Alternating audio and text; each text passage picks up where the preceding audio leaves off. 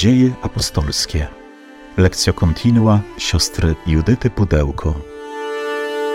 Powracamy do naszego słowa, do lektury kolejnych fragmentów dziejów apostolskich, starając się najpierw też wyciszyć nasze myśli, nasze serce i wejść w tę dyspozycję słuchania Bożego Słowa.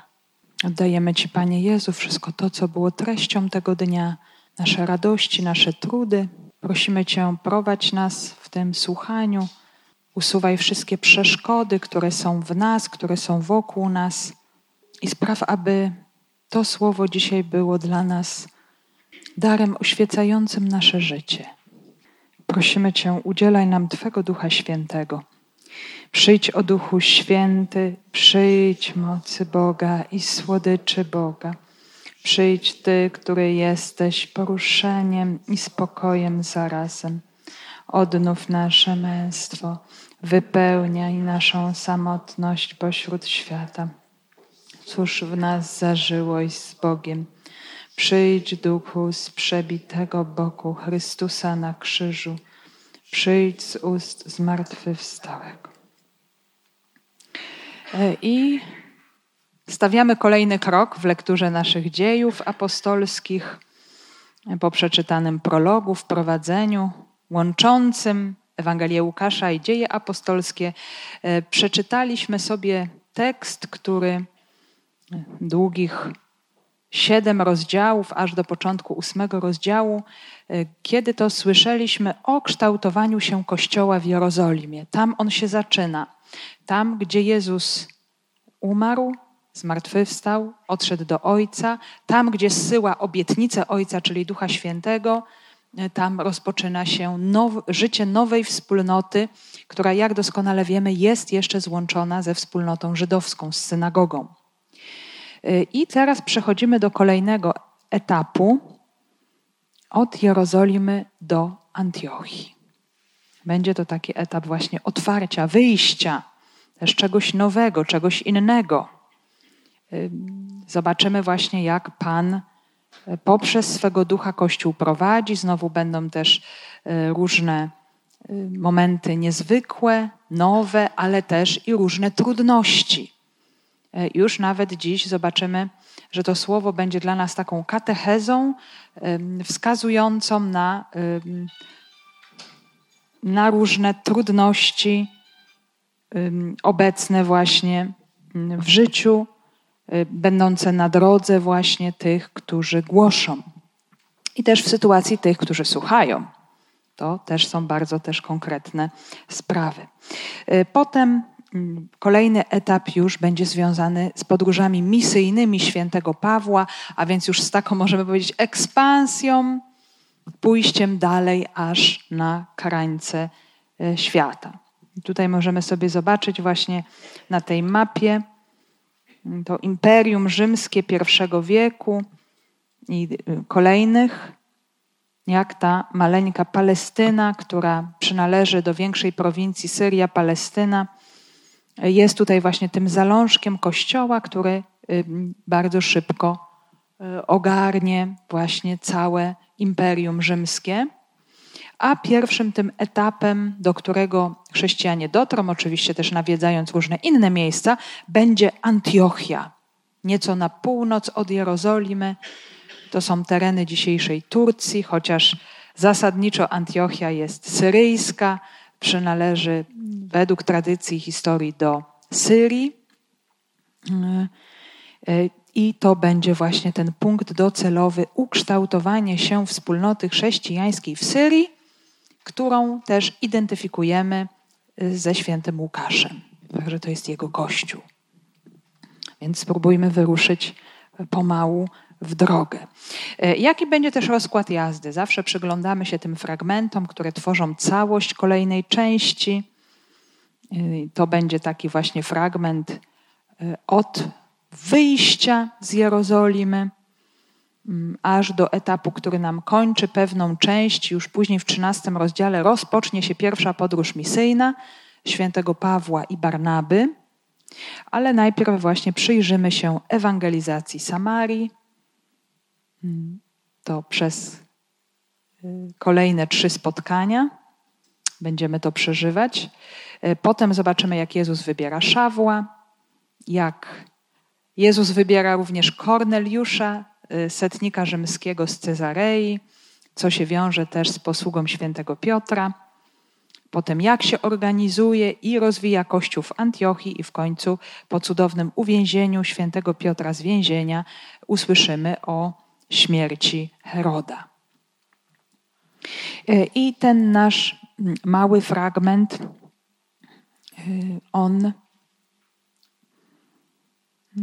czy przynajmniej mniejszy fragment, dzieli się na kolejne E, mniejsze etapy. Dzisiaj sobie zobaczymy historię działalności Filipa, który zaczyna ewangelizować Samarię i spotyka się tam z tajemniczą postacią Szymona Maga.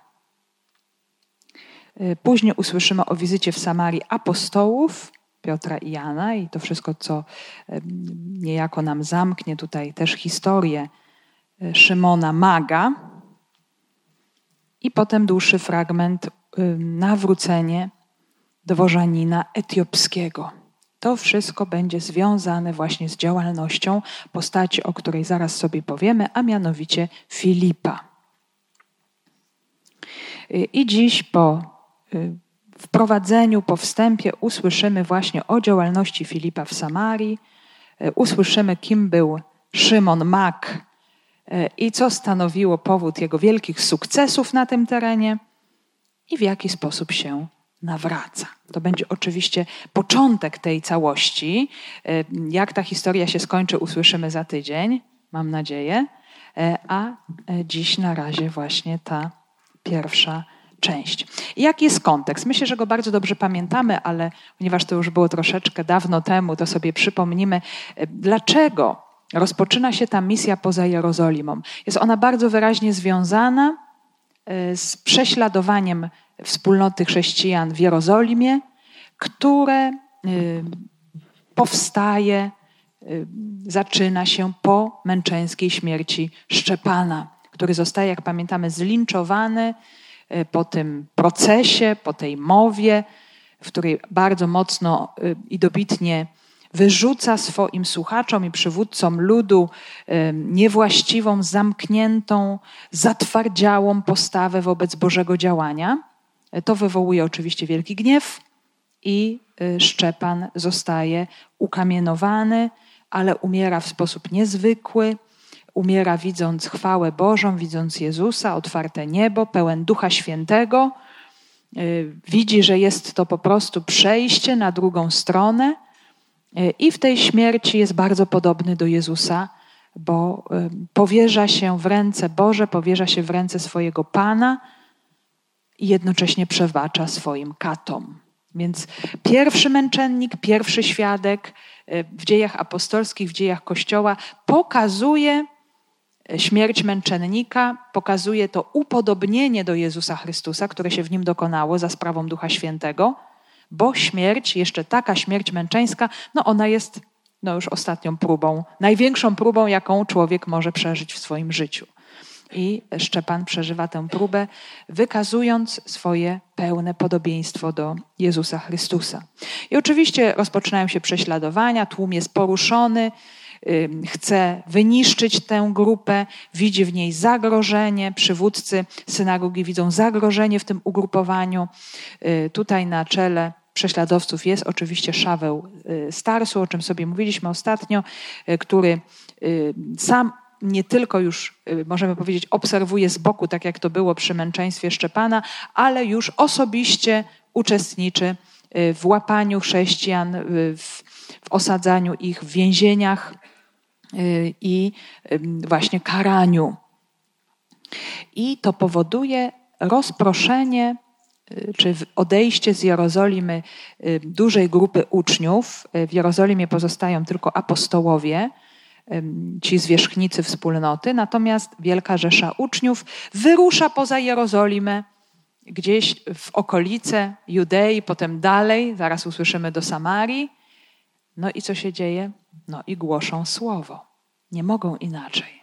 Są tak napełnieni duchem, e, są tak rozpaleni miłością do Chrystusa. Chrystus stanowi tak ważną osobę w ich życiu, że nie potrafią y, tym wszystkim się nie dzielić z innymi i w tej bardzo trudnej i bolesnej sytuacji, to jest też takie niesamowite, zaczyna się spełniać powoli obietnica dana przez Jezusa. Będziecie moimi świadkami w Jeruzalem, to już się dokonało, w Judei i w Samarii i aż po krańce ziemi. Także Jezus wykorzystuje bardzo trudną sytuację.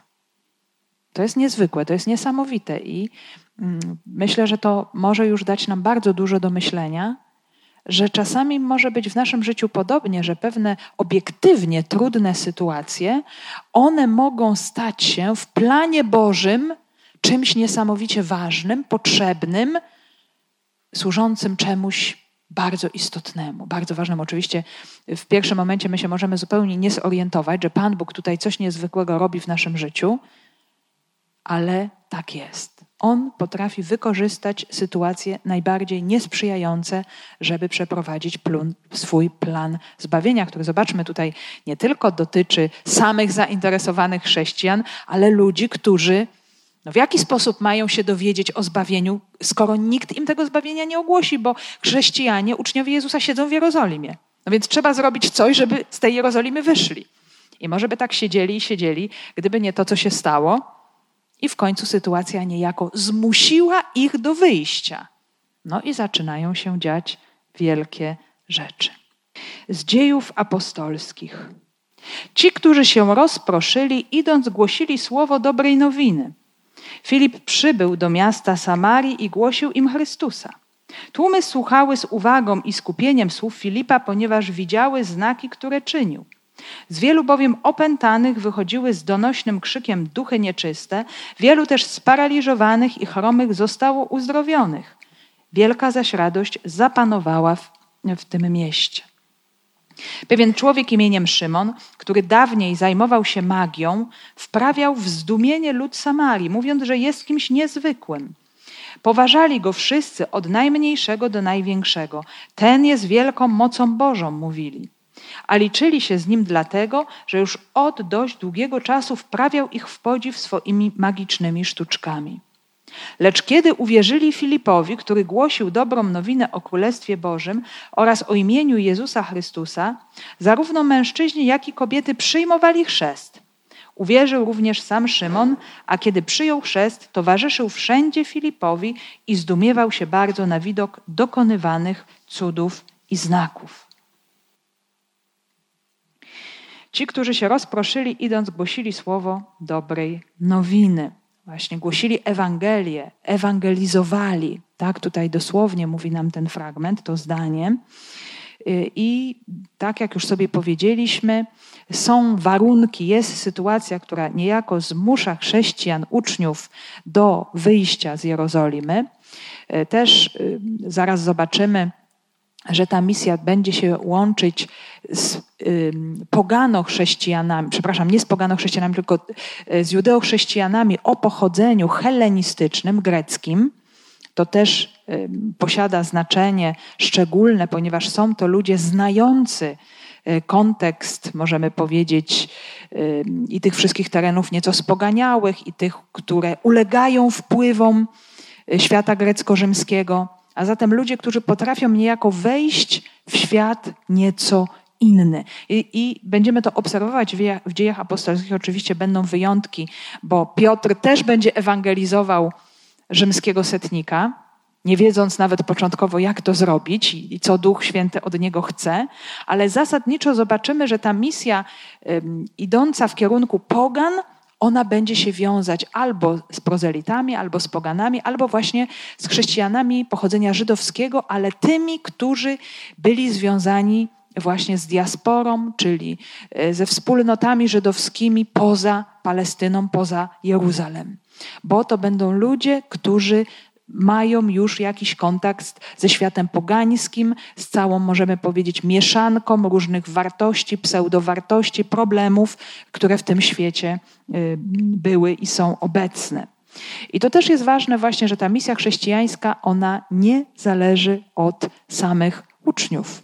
To nie jest tak, że oni się zebrali, zrobili sobie naradę i powiedzieli: teraz wyruszamy głosić właśnie poza Jerozolimą. Po prostu była taka sytuacja, która ich do tego niejako zmusiła. To znaczy zmusiła ich do opuszczenia Jerozolimy.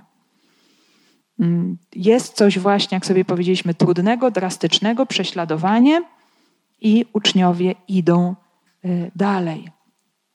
Y, także to nieszczęście prześladowań, ono staje się powodem ewangelizacji, poszerzenia ewangelizacji. Już nie tylko Jerozolima jest wypełniona nauką Jezusa i o Jezusie, ale również i inne miejsca. I y, to będzie się też wiązało z stworzeniem nowych wspólnot.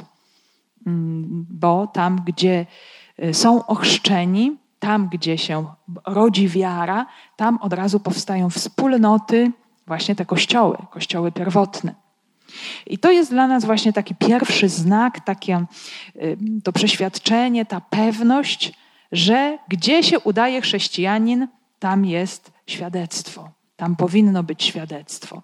Tam powinno być coś takiego, co budzi wiarę w innych. I oczywiście my możemy sobie zadać pytanie, no tak, no, y, pojedziemy gdzieś do, w jakieś miejsce takie czy nie inne, czy mamy stanąć na ulicy i robić ewangelizację uliczną. No są czasami tacy ludzie, którzy to robią, ale nie każdy jest do tego wezwany i zaproszony. Więc co ma robić chrześcijanin, który się znajdzie poza jakąś swoją przestrzenią życiową? To jest bardzo prosta rzecz. Żyć po chrześcijańsku. I to jest świadectwo. Żyć właśnie tak, jak naucza Jezus Chrystus. Tak, żeby to po pewnym czasie być może to nie będą e, tak spektakularne nawrócenia, tak szybkie jak w przypadku właśnie głoszącego Filipa, bo e, w czasach starożytnych było bardzo wielu różnych nauczycieli wędrownych, przynależących do różnych szkół, którzy zachęcali e, do bardzo różnych rzeczy, więc ludzie byli generalnie przyzwyczajeni do tego, że ciągle ktoś coś mówi, do czegoś zaprasza, coś pokazuje.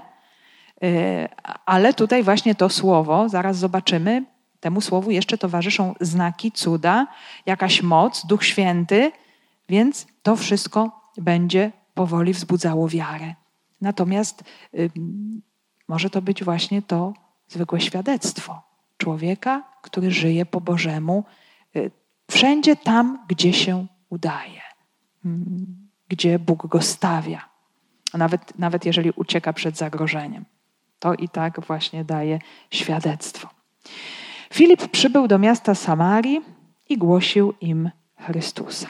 I mamy tutaj Filipa, i nie chodzi tutaj o Filipa, który przynależy do grona dwunastu, ale cały czas jesteśmy w kontekście utworzenia grupy siedmiu diakonów, wśród których pierwszym był Szczepan, a drugim był właśnie Filip, człowiek, który też nosi imię greckie. Filippos to znaczy ten, który lubi konie jakbyśmy mogli powiedzieć, przetłumaczyć koniolub, Filip. I jest on właśnie drugi, zaraz po szczepanie w, w grupie siedmiu. Nie jest wiele na początku o nim powiedziane, oprócz tego, że do tej grupy siedmiu przynależy, więc jest chrześcijaninem pochodzenia żydowskiego, ale mający właśnie też to wychowanie w kulturze greckiej, helenistycznej. Być może właśnie pochodzi z jakiejś diaspory poza mm, palestyńskiej, mówi po grecku i to wszystko mu służy właśnie do jego dalszej działalności. Też zaraz zobaczymy, że to jest podobnie jak Szczepan człowiek pełen Ducha Świętego, który i głosi, i to głoszenie potwierdza znakami w imię Jezusa. Już y, pod koniec dziejów apostolskich jeszcze nam y, powraca wzmianka o Filipie. Y, jest mowa o nim jako o ewangeliście, zostaje nazwany ewangelistą. My łączymy słowo ewangelista z czterema ewangelistami, którzy spisali Ewangelię, ale jest to już to odniesienie o wiele późniejsze, ponieważ tak ich nazywa dopiero męczennik Justyn w II wieku, autorów czterech Ewangelii nazywa ewangelistami, natomiast w pierwotnym kościele ewangelistą był każdy ten, kto głosił Ewangelię. My byśmy dziś powiedzieli ewangelizator. I dzieje apostolskie mówią nam właśnie o Filipie y, z grupy siedmiu, ewangeliście, czyli ewangelizatorze, który mieszka w Cezarei Nadmorskiej i tam działa. Nie mamy wiele tych wzmianek o Filipie, ale trochę jest. Co jest tutaj, moi drodzy, bardzo ważne? Zobaczcie, bardzo istotna sprawa.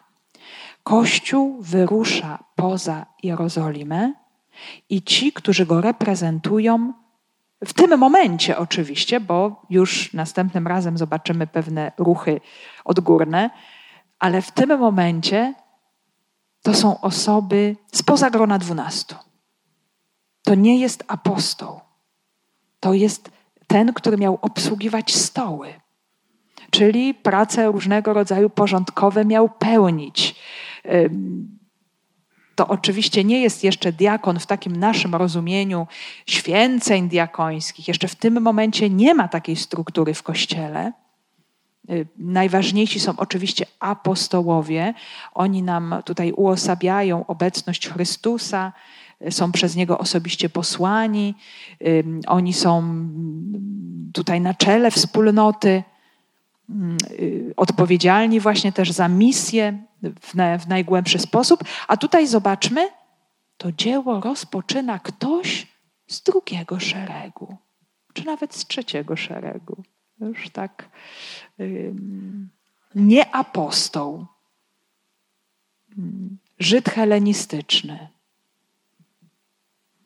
Ktoś, możemy powiedzieć, o mniejszym doświadczeniu. Ktoś, kto Jezusa nie widział, nie miał z nim takiego bezpośredniego kontaktu jak ci z grona dwunastu. Zobaczmy, Pan Bóg wybiera sobie do różnych swoich zadań tego, kogo chce może się posłużyć kim chce, żeby to swoje dzieło wypełnić. My czasami tak zastrzegamy pewne rzeczy, że to musi zrobić ta osoba albo inna osoba, a Pan Bóg może zadziałać w taki sposób, w jaki chce zadziałać. I może posłać takiego właśnie człowieka, który miał się zajmować obsługą stołu, wydzielaniem jałmużny, dzisiaj byśmy powiedzieli, taki pracownik socjalny. Ale ten pracownik socjalny, jak widzimy, sam jest tak zewangelizowany, jest tak wypełniony mocą Chrystusa, Jego słowem, i o to właśnie chodzi. On nie ma jakiegoś, możemy powiedzieć, miejsca, w, y, chociaż oczywiście to jest za wczesny etap, żeby mówić o tych kwestiach, ale w odniesieniu nawet do grona dwunastu, on nie przynależy do tej grupy, on nie jest w tej ścisłej hierarchii tych najwyżej. I on właśnie jest pierwszym, zobaczmy, który wychodzi poza Jerozolimę i daje świadectwo. Tak samo jak również Szczepan, też spoza grona dwunastu, też obsługujący stoły, stał się tym pierwszym świadkiem i jako pierwszy chrześcijanin przelał krew e, w imię Jezusa Chrystusa. Więc Pan Bóg ma swoje drogi i, i po, pokazuje nam to, to bardzo ważny fakt, że on do różnych swoich zadań wybiera sobie, kogo chce, i nie musimy tutaj oczekiwać, że wszystko zrobią w pierwszej linii ci, którzy są na pierwszej linii, czyli możemy powiedzieć ci naj, na najwyższym piedestale. Pan Bóg ma bardzo, bardzo różne plany. E, Filip przybył do miasta Samarii, tak nam mówi mm, tekst dziejów. I w tym czasie Samaria została też przebudowana, rozbudowana jako Sebastia czy Sebaste, mm, piękne miasto helenistyczne, które upiększył i rozbudował Herod Wielki około 27 roku przed Chrystusem. Sebastia to znaczy właśnie czcigodna w języku greckim. To samo co Augusta po łacinie. E, I no i właśnie Herod dedykuje to miasto oczywiście imperatorowi Oktawianowi Augustowi. Czyli już od razu możemy zobaczyć miejsce o wpływach pogańskich, spoganiałe. Zresztą mamy tutaj do czynienia też właśnie z Samarią, Łukasz nie mówi Sebaste ani Sebastia, nie używa tego nowoczesnego, bardziej sobie współczesnego imienia, nazwy miasta, ale mówi Samaria, odnosząc się do starożytnych korzeni tego miejsca, jakby chciał przypomnieć czytelnikom, z czym tutaj mają do czynienia. Bo Samaria to jest stolica państwa północnego. Wiemy, że Królestwo Salomona po jego śmierci zostało podzielone, pokolenia północne się odłączyły, stworzyły sobie swoje własne państwo północne, czyli Królestwo Izraela, odłączając się od Jeruzalem, od dynastii Dawida i od świątyni. No i tych stolic było kilka w tymże państwie, bo oni nie mieli stabilności politycznej i dynastycznej, i nawet religijnej. E, musieli sobie wszyscy całą strukturę tworzyć od nowa. I ostatnią, czwartą stolicą państwa północnego w roku 880 przed Chrystusem została właśnie Samaria. Król Omri kupił wzgórze od Szomrona i właśnie nazwał to miejsce Samarią. Tam wybudował wspaniały pałac Później jego następcy to miejsce upiększali, było ono bardzo bogate, wspaniałe, i potem z czasem całe państwo północne zaczęto nazywać Samarią. No, jak mamy te różne wyrocznie prorockie przeciw Jerozolimie i Samarii, to oczywiście chodzi o te dwie stolice państwa północnego, państwa południowego, Królestwa Judy, Królestwa Izraela, ale też y, te stolice niejako uosabiają całe te królestwa. Samaria y, później zostaje najechana przez Asyryjczyków.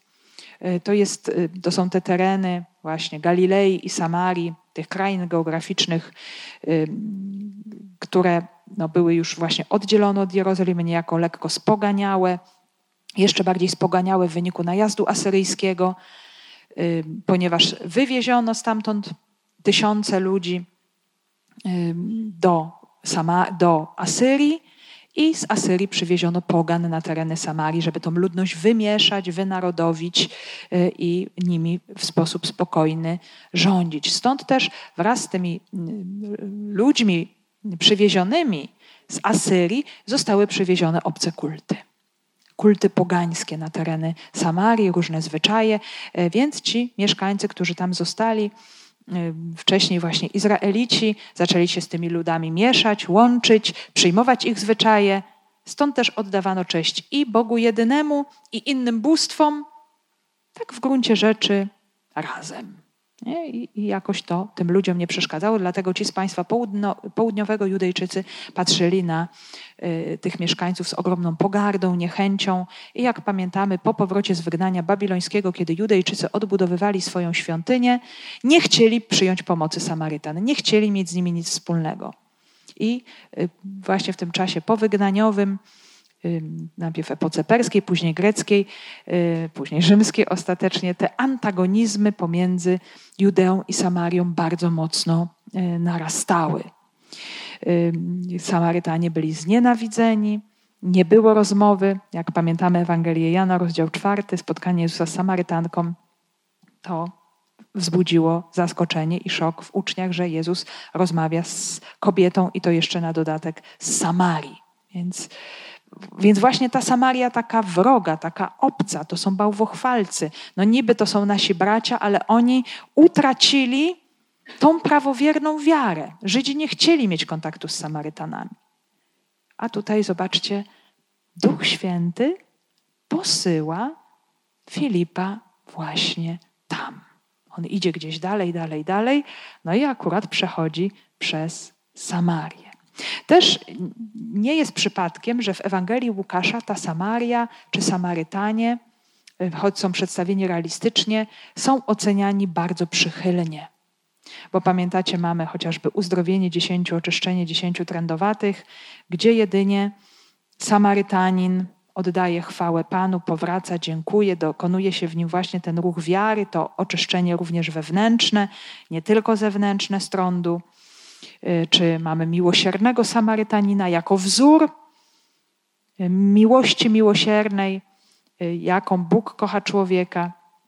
A nawet kiedy Samarytanie nie chcą przyjąć Jezusa podczas jego podróży do Jerozolimy, właśnie z tego powodu, że zmierza do Jerozolimy, Jezus nie pozwala ich ukarać, nie pozwala na nich spuścić ognia z nieba.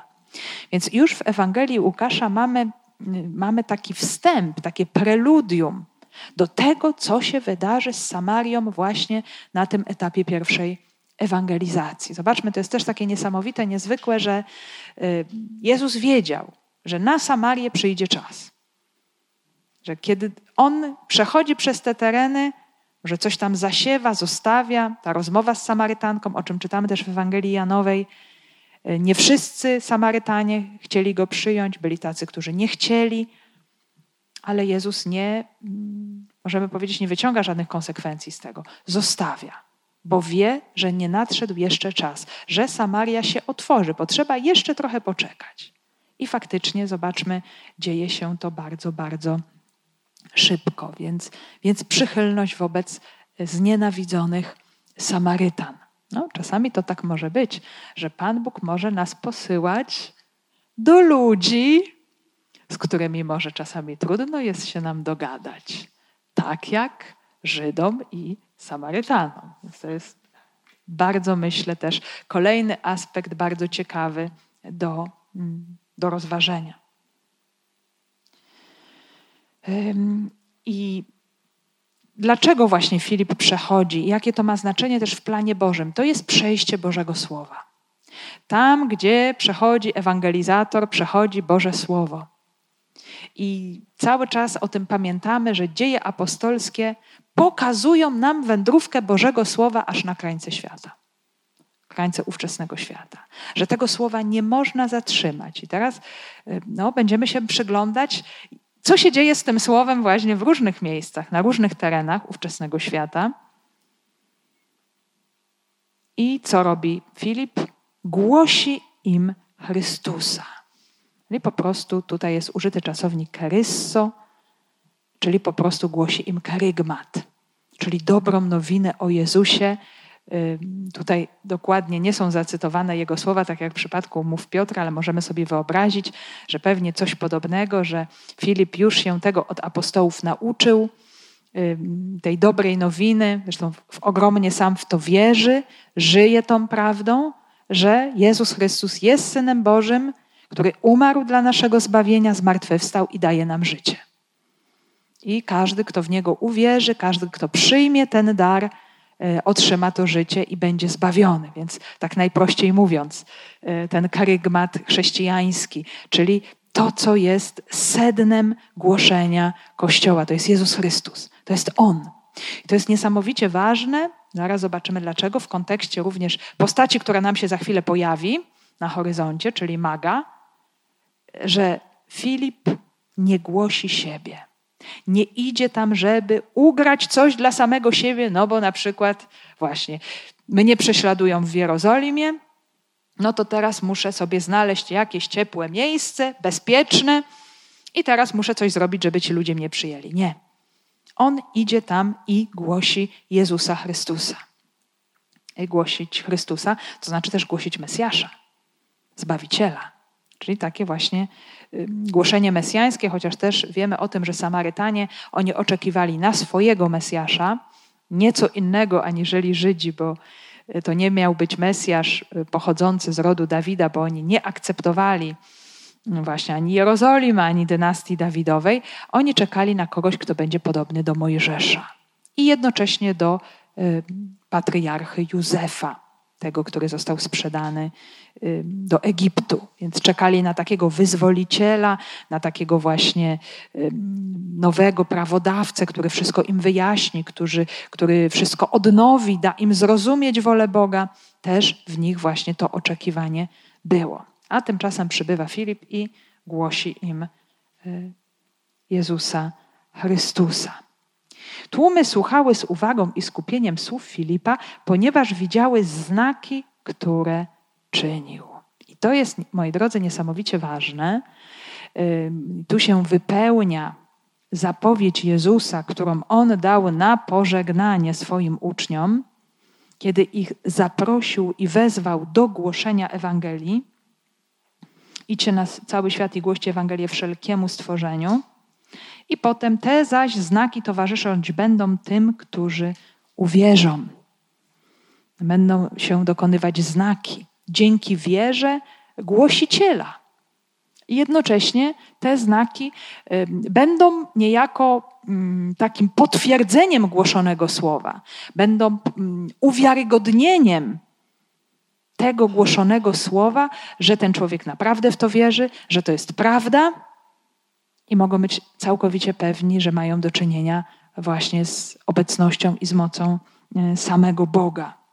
Więc znaki nie są celem samym w sobie. I to jest niesamowicie ważna sprawa, jeżeli chodzi o ewangelizację i kiedyś i dziś, e, że znaki mają niejako tylko potwierdzić to, co jest głoszone. Ważniejsze jest to, co jest głoszone słowo o Jezusie. Słowo pokazujące Jezusa. I jako, że jest to Pan pełen mocy, ten, który panuje nad tym, co złe, nad wszelkimi chorobami, to również w Jego imię dokonują się te y, niezwykłe mm, sytuacje. Y, I to się wszystko spełnia. Więc tak jak Jezus panował nad demonami i chorobami, o czym też czytamy w Ewangelii Łukasza, zobaczcie, tu znów mamy to zestawienie, o którym sobie też cały czas mówimy, że to wszystko, co dotyczyło misji Jezusa w Ewangelii Łukaszowej, to również dotyczy misji Kościoła w dziejach apostolskich. Że Kościół, że poszczególni uczniowie i apostołowie i inni są kontynuatorami misji Jezusa. I dzieje się dokładnie to samo. Tak jak Jezus objawiał swoją moc i swoim słowem wyrzucał demony, uzdrawiał choroby, tak samo dzieje się teraz. I Filip y, objawia tutaj właśnie swoją wiarę. Widać, że on prawdziwie wierzy w Jezusa. Prawdziwie wierzy w Jego obecność, że zmartwychwstały przez swego ducha jest obecny i że działa. I że te wszystkie wydarzenia mogą się dokonywać. Y, I też te wszystkie wielkie znaki, one mają też taki konkretny cel, właśnie jak powiedziałam, nie są celem samym w sobie, ale mają pokazać człowiekowi, że potrzebuje zbawiciela. Że przecież celem naszego życia nie jest y, nieposiadanie jakichkolwiek chorób, no bo jedna choroba mnie opuści, ponieważ nasze ciało podlega różnym zmianom wraz z wiekiem, Y, i zmierza w kierunku śmierci, to pojawią się kolejne choroby. Teraz nie można chcieć mieć takiego celu, że moim celem mojego życia nie jest, jest nie być nigdy chorym. Bo te choroby one będą, będą się pojawiały. Y, oczywiście mogą się nie pojawiać. Pan Bóg może mieć też inną drogę dla nas wszystkich, ale celem przyjścia Chrystusa jest zbawienie człowieka, jest wyzwolenie człowieka od zła. A pokazanie właśnie tej siły choroby i wyzwolenia z choroby ma pokazać, że człowiek potrzebuje ocalenia na tym głębszym poziomie, na poziomie duchowym. No i tutaj zasadniczo e, tak to się wszystko składa i pokrywa. Że te znaki, które Filip czyni, wielkie znaki, bardzo widoczne, i zobaczmy, że jest to pierwsza osoba spośród, spoza grona dwunastu, tak dokładnie opisana w czynieniu znaków. Słyszeliśmy o tym wcześniej, że Szczepan czynił wielkie znaki wśród ludu, ale nie było żadnych szczegółów. My mogliśmy się domyślać, że to było coś podobnego pewnie. Że głosząc Jezusa też objawiał e, Jego moc uzdrowieniach, y, w wyrzucaniu demonów, ale nie było to wyszczegółowione. Tutaj natomiast y, w przypadku misji Filipa to się, to się pojawia. Jest to bardzo, bardzo ważny moment. Wielka zaś radość zapanowała w tym mieście. I to jest właśnie ten znak działania Ducha Świętego. Duch Święty daje radość, i to jest nie tylko radość z powodu tego, że ktoś odzyskał zdrowie, odzyskał wolność ciała i ducha, ale Duch Święty jest duchem radości. To jest jeden z owoców Ducha Świętego. I ten duch, właśnie, który przychodzi do tych ludzi poprzez głoszone słowo przede wszystkim, on gdzieś ich tam dotyka od wewnątrz i właśnie budzi radość, która też jeszcze bardziej ich pociąga do Jezusa. I to jest też bardzo ważne. Zaraz zobaczymy, że ludzie lgną do Jezusa, do Jego słowa, do Jego osoby, do Jego zbawienia, a nie do ewangelizatora. I to jest taki ważny, możemy powiedzieć, ważne kryterium w tych wszystkich działaniach misyjnych, ewangelizacyjnych, że człowiek tutaj nie jest celem, jest tylko pośrednikiem i ma pomóc drugiemu spotkać Jezusa. Bo to jest absolutnie mm, właśnie absolutnie y, najważniejsze. No i teraz pojawia nam się tutaj ktoś nowy. Pewien człowiek imieniem Szymon, który dawniej zajmował się magią, wprawiał w zdumienie lud Samarii, mówiąc, że jest kimś niezwykłym. Mamy człowieka bardzo konkretnego, ma na imię Szymon y, i jest to właśnie też jakiś swoisty lider, ktoś bardzo znany, który budzi zdumienie, podziw, zachwyt, takie poruszenie wielkie, ale nic poza tym. To, co robi Szymon, nie daje życia, nie zmienia życia. My oczywiście też nie mamy tutaj szczegółów związanych y, z, z tym, co tak dokładnie ten Szymon Mak robił, z czego wynikały te jego sztuczki, do czego on się w tych sztuczkach odnosił, czy y, z jakiego nurtu pochodził, ale już późniejsi ojcowie, Justyn, Ireneusz czy Hipolit nazywali tego Szymona ojcem wszelkiej herezji. E, to mogli to wywnioskować z tego, co przeczytamy za tydzień, e, ale wiązano go też z gnozą, czyli właśnie z taką chęcią panowania nad rzeczywistością poprzez tajemne wtajemniczenie, poznanie, wiedzę, której nie posiadali inni. Natomiast sam tekst dziejów apostolskich nic takiego nam nie sugeruje, tylko mówi o jego związkach z magią, związkach magicznych. I w Nowym Testamencie o samej magii słyszymy tylko tutaj, właśnie w tym epizodzie. Owszem, słyszymy w Ewangelii Mateusza o magach ze wschodu, ale jak ci magowie już rozpoznają gwiazdy i wyruszają w drogę, o żadnych sztuczkach magicznych mowy nie ma. Właśnie zostają one poddane, mm, podporządkowane spotkaniu z Jezusem. Właśnie o to chodzi. Natomiast magia była bardzo rozpowszechniona w starożytności, chociaż wydaje się, że teraz wielu ludzi znów wraca do, niestety, do tego wszystkiego, więc to jest wszystko, zobaczcie, te obrazy i pouczenia, one są ciągle na czasie. I opiera się ona na znajomości praw natury, kosmosu, astrologii, leczenia chorób, wróżenia, przepowiadania przyszłości, kontaktami ze zmarłymi, a nawet z demonami. I wielu ludzi uważa, że y, właśnie magia ma bardzo ścisły związek z demonami, ze złymi duchami, które dają człowiekowi poznanie jakiejś rzeczywistości, czy pewne możliwości takiego czy nie innego działania. I takich możemy powiedzieć różnych magików, pseudouzdrawiaczy, czyniących niezwykłe rzeczy, my mamy dzisiaj w świecie bardzo wielu. I choć minęło tyle czasu i mamy taki rozwój i poznania, i nauki, i technologii, ciągle mamy bardzo dużo ludzi, wielu ludzi, którzy bardzo tym, tym ludziom i tym y, różnym sytuacjom, y, procedurom magicznym wierzą.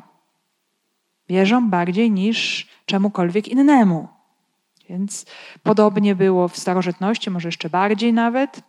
Ludzie widząc właśnie coś niezwykłego, co się dzieje, czego nie potrafili sobie wytłumaczyć, właśnie przypisywali go to jakimś niezwykłym właściwościom, umiejętnościom, mocy danego y, człowieka. I y, o co tutaj chodzi w magii przede wszystkim? Właśnie y, pokazać panowanie mm, nad ludźmi, czy mieć panowanie nad ludźmi przez ukazanie, że mam jakiś wpływ na rzeczywistość. Potrafię zadziałać skutecznie. Potrafię wpłynąć na Twoje życie. Potrafię coś w Twoim życiu zmienić i dzięki temu mam na Ciebie wpływ. Ty ulegasz jakiemuś, możemy powiedzieć, wpływowi mojej osoby i mogę wtedy y, to wykorzystać i tym sterować. Tak? Y, pokrótce możemy powiedzieć, działają te wszystkie y, praktyki magiczne. I to oczywiście jak najbardziej wzbudza szacunek ludzi, którzy do końca tego nie potrafią zrozumieć, ale widzą coś niezwykłego. I mamy tutaj takie bardzo wyraźne i niepokojące znaki w zachowaniu Szymona Maga, bo po pierwsze, już, już tu wcześniej, On sam uważa siebie za kogoś niezwykłego, czyli zobaczmy, on jest cały czas skoncentrowany na sobie. Sam uważa siebie za kogoś niezwykłego, czyli to ja jestem źródłem tutaj tych niezwykłości. Przyjdźcie do mnie, słuchajcie mnie, bierzcie mnie pod uwagę. I faktycznie tak się dzieje, że ludzie widzą w nim wielkość i siłę Boga, ale przez jego samo to nastawienie, zresztą przez źródło pochodzenia tych niezwykłości, możemy powiedzieć, że to wszystko jest przejawem ogromnej pychy, ubóstwienia samego siebie. Czyli człowiek, który chce skupić na sobie, chce coś osiągnąć poprzez pewne jakieś tajemne obrzędy i tyle zasadniczo. Ubóstwienie siebie samego. E, a liczyli się z nim dlatego, że już od dość długiego czasu wprawiał ich w podziw swoimi magicznymi sztuczkami. To oczywiście wszystko może być związane z całą historią Samarii, z całym tym, możemy powiedzieć, dramatem synkretyzmu religijnego, właśnie tych wpływów pogańskich, bo jak pamiętamy, Tora zabrania wszelkich praktyk magicznych, wszelkiego wróżbiarstwa, guseł, wywoływania duchów. To wszystko jest grzechem bałwochwalstwa, sprzeciwiającym się absolutnej mocy i panowaniu Boga nad rzeczywistością. Człowiek wierzący nie ulega żadnym wpływom magii. Odrzuca je zdecydowanie. A tutaj zobaczmy, ten lud nie miał tego rozeznania. Widział coś niezwykłego, i skupiał się zresztą, myślę też, y, nie bez powodu na samym magu, na Szymonie, bo on tego chciał, ponieważ on sam ich do siebie przyciągał, uważając się za kogoś wielkiego i chciał być za takiego kogoś wielkiego uważany. No i ci ludzie nie mieli rozeznania.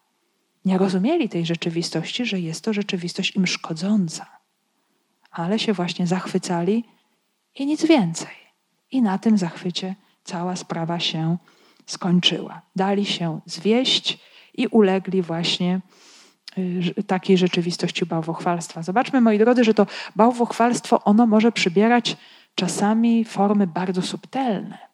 Bardzo subtelne. To nie chodzi o to, że ktoś sobie tutaj y, stworzy w swoim domu jakąś świątynkę y, takiego czy innego bożka, i będzie mu oddawał cześć, bo to wydaje się być w naszym czasie też śmieszne i zupełnie niedorzeczne. Choć być może są ludzie jeszcze gdzieś w dalekich, obcych kulturach, którzy, no, dla których te rzeczywistości są ważne, bo zostali w nich wychowani, ale można się nad tą rzeczywistością zastanowić, nad kwestią właśnie bałwochwalstwa czy adoracji człowieka, jego umiejętności, jego pewnych możliwości. Zobaczmy, że tekst dziejów apostolskich jest tutaj bardzo, bardzo mm, poruszający i można go tłumaczyć bardzo szeroko. Odnieść go właśnie do różnych naszych sytuacji, czy do sytuacji ludzi, których znamy, które mogą ulegać takim wpływom, takiej manipulacji, takiemu zniewoleniu wewnętrznemu. To może być też jakaś niezwykła forma sugestywności. Człowiek wywiera taki wpływ na innych, że może ich zmanipulować i praktycznie obkręcić sobie wokół palca i doprowadzić do tego, y, co sam chce. Nie? Do jakichś tam celów, ale znów zobaczmy efekt. To nie daje życia. To nie zmienia y, nic w życiu człowieka. No, tylko sprawia, że jakiś człowiek osiąga jakiś swój y, przyziemny cel. Więc e, lud Samarii dał się zwieść tymi sztuczkami. Nie miał jeszcze w tym momencie właściwego rozeznania. Lecz kiedy uwierzyli Filipowi, który głosił dobrą nowinę o Królestwie Bożym oraz o imieniu Jezusa Chrystusa, zarówno mężczyźni, jak i kobiety przyjmowali chrzest. I dochodzi do zmiany. Jest przejście od zachwytu wobec maga i jego sztuczek do poznania mocy i życia, które pochodzi od Jezusa Chrystusa, od Jego Królestwa, mm, które wynika z Jego imienia, bo przez Jego imię Bóg zbawia. To jest właśnie ta niezwykła, niesamowita różnica pomiędzy e, wszystkimi y, niezwykłymi tutaj działaczami, zwodzącymi ludzi w jedną czy w drugą stronę, a tym, kto naprawdę głosi Jezusa. Filip nie przyciąga do siebie, doprowadza do Jezusa i do życia, e, więc oni uwierzyli, czyli to słowo głoszone przez Filipa dotknęło ich serca i przyjęli chrzest. Właśnie zarówno mężczyzny, jak i kobiety, czyli właśnie ta wspólnota chrześcijańska od samego początku była zróżnicowana płciowo, choć wiemy, że w świecie żydowskim y, taką podstawową rolę religijną pełnili mężczyźni, różnymi takimi ruchami, nowinkami. Zasadniczo kobiety się nie interesowały. To mężczyźni sobie szukali nauczycieli, y, mistrzów duchowych, a kobiety przy mężu ewentualnie Natomiast tutaj widzimy, że dobra nowina, że to, co przynosi Jezus Chrystus, jest skierowane do każdego człowieka osobiście, i do mężczyzny, i do kobiety. Każdy jest zaproszony do wiary. A wiara jest wyborem bardzo osobistym. I właśnie zależy od tego, czy pozwolimy się temu Słowu Bożemu dotknąć. I zaskakująco, moi drodzy, uwierzył również sam Szymon. A kiedy przyjął chrzest, towarzyszył wszędzie Filipowi i zdumiewał się bardzo na widok dokonywanych cudów i znaków. I nie wiemy dokładnie, jak to się stało, że ten e, mak uwierzył, że się poddał, że e, dla niego Filip stał się osobą wiarygodną. Tylko jedna rzecz tutaj tłumaczy nam dlaczego. Bo widział właśnie znaki i cuda. I być może były to cuda i znaki większe od tych, które czynił Szymon w swoich działaniach magicznych. Być może jako ten człowiek szczególnie wrażliwy na niektóre właśnie jakieś duchowe moce widział, że ma do czynienia z kimś silniejszym od siebie samego. Nie wiemy też tego, bo tekst tego bardzo wyraźnie nie mówi. Zobaczymy w następnym fragmencie, y, do czego dojdzie mak, że w nieco niewłaściwy sposób będzie rozumiał tę moc działanych cudów i znaków, że będzie chciał ją niejako kupić. Więc to jest też bardzo ciekawy obraz, który nam pokazuje, że słuchanie Jezusa Chrystusa, przyjmowanie Jego słowa może się dokonywać z różnych powodów. Człowiek może mieć różne motywacje i na pierwszy rzut oka tego w ogóle nie widać. Ten, który głosi, ten, który udziela chrztu, jest otwarty. Hmm, Szymon również przyjmuje chrzest, tak jak i wszyscy inni. Ale jest właśnie też pytanie, czy miał szczere intencje. Na tym etapie, y, w tym słowie, które czytamy, wydaje się, że tak. Skoro Filip tego chrztu mu udzielił, wydaje się, E, że tak, ale właśnie to przylgnięcie takie bardzo mocne, nie jest powiedziane, że przylgnął do Jezusa Chrystusa, ale przylgnął do Filipa. Czyli to samo, co, czego wymagał od innych, ja jestem kimś niezwykłym, przylgnijcie do mnie, to samo stało się jego udziałem. Czyli tak jakby wydaje się, że nie do końca zrozumiał na czym polega chrześcijaństwo jeszcze w tym momencie. Chociaż wykazał jakąś otwartość na, na Boże Słowo i tę rzeczywistość, więc y, tutaj wydaje się, że największą, największe znaczenie dla niego miały właśnie te y, cuda i znaki, które czynił Filip. Więc zobaczymy też, moi drodzy, że wszystko no, będzie podlegało jakiejś czasowej weryfikacji. Potem człowiek się właśnie sprawdza w różnych sytuacjach i będzie za chwilę już w następnym fragmencie taka weryfikacja, która nam odsłoni serce i zamysły Szymona Maga, ale też to jest niezmiernie ważne, że y, ta łaska jest dostępna dla każdego. Zbawienie jest dostępne dla każdego. Owszem, później Kościół wypracuje drogę długiego katechumenatu, jak wiemy doskonale, w kolejnych latach i wiekach późniejszych, gdzie te motywacje stania się chrześcijaninem przez jakiś czas były bardzo mocno sprawdzane i próbowane na różne sposoby. Potem, oczywiście, kiedy chrześcijaństwo się upowszechni, stanie się powszechne, przynajmniej w Imperium Rzymskim, znów cała ta rzeczywistość nieco osłabnie, bo wszyscy zaczną przyjmować chrzest masowo i nie będzie to bardzo mocno weryfikowane. I dlatego tym bardziej jest to słowo dla nas niesamowicie ważne. Zawsze może sprawdzać, może stawiać pytanie o nasze motywacje bycia chrześcijaninem. Nie? Czego ja w tej rzeczywistości szukam. A zatem właśnie dopiero kolejny, kolejna scena, kolejne spotkanie, kiedy pojawi się Piotr z Janem w Samarii, kiedy będą widzieć te wielkie znaki, kiedy będą dawać potwierdzenie, pieczęć Ducha Świętego, pojawi się tutaj sytuacja odsłaniająca serce Szymona Maga. Mm. Natomiast na tym etapie jeszcze tego nie wiadomo.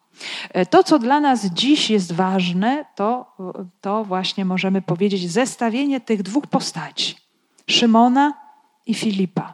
Szymon, który promuje siebie samego, który przyciąga do siebie, e, który, którego celem jest, są właśnie te różne sztuczki magiczne, mające wywierać wpływ na ludzi.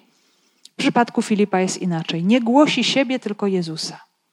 Najważniejsze jest słowo pełne Ducha Świętego, natomiast znaki i cuda są tylko czymś dodatkowym, mającym potwierdzić wiarygodność tego słowa. Więc ym, zawsze patrząc właśnie na różne sytuacje głoszenia, ewangelizowania, tego, co się dzieje w kościele, yy, no jest to sytuacja, są to sytuacje, które nas zapraszają do weryfikacji. I yy, słowo z dziejów apostolskich nam to bardzo wyraźnie pokazuje, że nie wszystkie rzeczy nadzwyczajne są słuszne i właściwe. Zawsze należy pytać, skąd się to bierze i do czego to prowadzi. Hmm? Bo mogą to być właśnie czasami rzeczy niekoniecznie służące człowiekowi. Y, I ta sytuacja ludzi poza Jerozolimą, w Samarii, jest sytuacją no, wymagającą ogromnej pomocy ze strony Kościoła, bo są to ludzie właśnie poszukujący, zabłąkani, szukający właśnie jakiegoś ratunku i bardzo często nie tam, gdzie trzeba. I wielu ludzi też y, i w czasach dzisiejszych ulega tego rodzaju sytuacjom.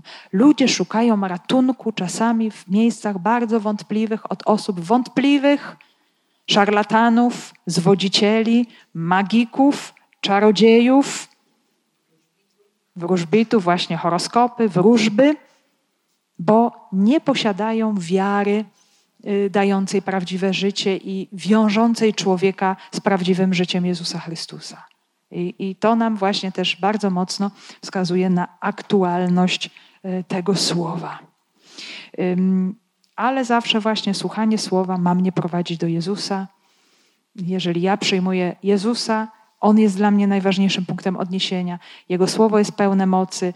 Y, wierzę w Niego, że to On daje zbawienie Wtedy Jezus będzie się mną posługiwał, aby również i inni przeze mnie mogli Go poznać i zobaczyć w tych różnych, moi drodzy, Samariach naszego życia.